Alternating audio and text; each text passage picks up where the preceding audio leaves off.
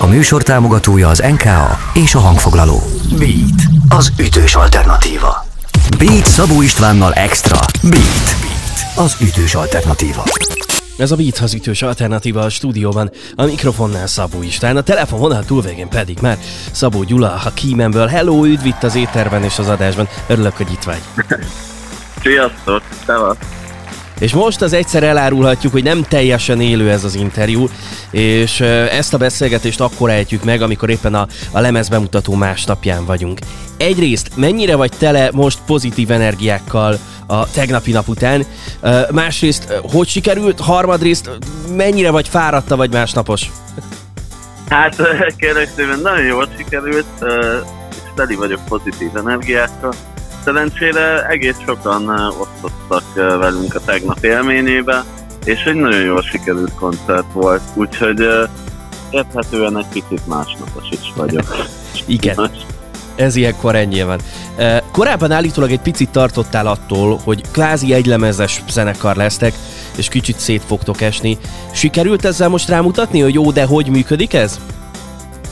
Én úgy gondolom, hogy igen, meg úgy azért azt is hozzátenném, hogy ez nem egy aktív félelem volt, volt olyan időszak a zenekar életében, amikor így felmerült bennem, hogy, hogy ez egy lehetőség.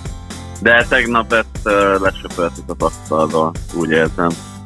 Persze, hát ez kics- kicsit olyan, mint egy párkapcsolat, a legjobb párkapcsolatban is az ember néha egy icipicit elbizonytalanodik fejben, tehát hogy, hogy ez egy ilyen történet. Mindjárt meghallgatjuk az új lemezről a Hunter című dalt, én már bekészítettem ezt a felvételt. Uh, itt, itt van a kezem a play gombon, még mielőtt megnyomom, mit érdemes tudunk erről a dalról, mire figyeljünk, miközben hallgatjuk. Én azért szeretem nagyon ezt a dalt, mert a fejemben már azóta is írom a, hozzá a szöveget, mert van egy ilyen népdalos uh, dallammenet, uh, tehát a dallammenet maga egész népdalos, és, uh, és nagyon fülbemászó. Tehát amikor megírtuk, én két hétig nem tudtam más dúdolni. Egy, nagyon szeretem, és uh, nagyon élveztük feljátszani, meg uh, koncerten is uh, szerintem a zenekar többségének ez, a, ez az új lemezvel a kedvenc dala. Oké, okay, akkor most a hallgatók is erre készüljenek, hogy jön a dal, aztán, aztán két hétig csak ez fog járni a fejükben.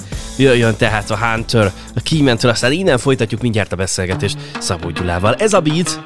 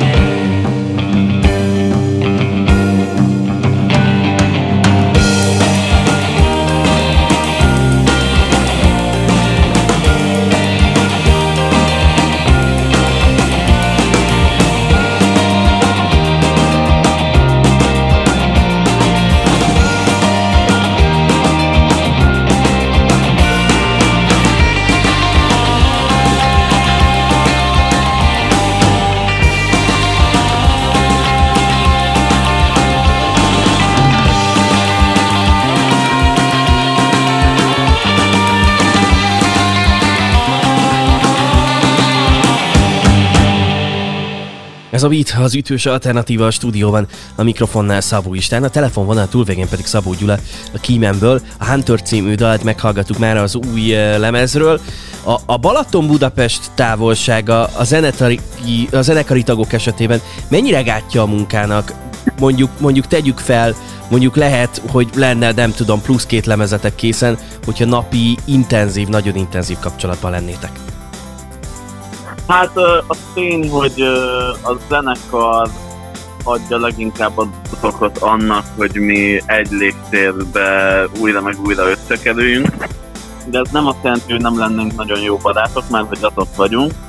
De a tény, hogy nem mindennapi a mi kapcsolatunk. Tehát, hogy amikor fellépés van, vagy itt kitalálunk projekteket, vagy tűzünk ki célokat magunknak, akkor így összegyűlünk és azokat csináljuk de hogy valóban azért nekünk ilyenkor Balatonról fel kell menni Budapestre, hogy összegyúrjuk az anyag, vagy így összedugjuk a fejeinket.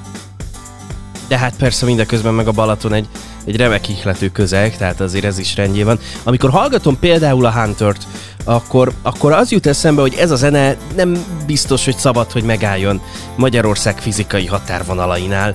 Mennyire exportképes szerinted ez a zene? Egyáltalán céle külföldön is megmutatni, hogy hello, mi vagyunk, ezek vagyunk? Szerintem abszolút exportképes, mi kapcsolati tőkével nem rendelkezünk, hogy ezt nagyon így átvigyük a határon, de én úgy gondolom, hogy ez a zene ugyanúgy ugyanúgy értelmezhető Egyiptomba, Amerikába, meg Franciaországba. Mivel nincs szöveg, és nem, nem akcentussal gyepáljuk az angol nyelvet, úgy gondolom, hogy, hogy abszolút exportképes. Ha jól hallom, már pedig szerintem jól hallom, akkor most hallok először a zenétekben szakszofont. Hogy jött, hogy ez, hogy ez nem tudom, adhat valami pluszt?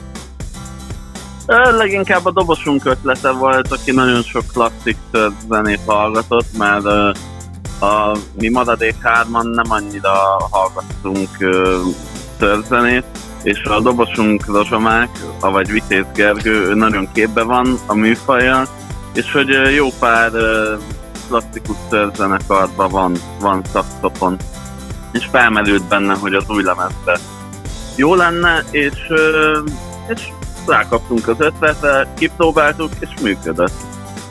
És de működik. hosszú távon nem tudom, hogy, hogy nem marad el, de hogy ilyen fűszerként mindenképp jó tett a lemeznek. Igen, piszok jól szól. Uh, azt kívánom, hogy ne, ne kelljen annyit várnunk a következő lemezre, mint amennyit mondjuk erre a lemezre vártunk, és köszönöm szépen, hogy beszélgettünk. Hát most azért már viszket a tenyelünk, ah. meg így belejött a számírásba, úgyhogy uh, azt hiszem, hogy ez a kívánságod nem fog uh, süket füleket találni. Úgyhogy uh, nagyon köszi, hogy meghallgattad az eddigieket is, és hogy itt uh, meg is osztattuk. Így teljesüljön minden kívánságom. Köszönöm neked a beszélgetést. Én köszönöm is a legjobbakat neked és a kedves hallgatóknak is. Drága jó hallgatók, Szabó Gyulával beszélgettem a Kímenből, és ez itt a Beat, az ütős alternatíva. Beatcast. Ez a podcast a Beat saját gyártású műsora. Beat. Az ütős alternatíva. Részletekért látogass el a beatradio.hu weboldalra.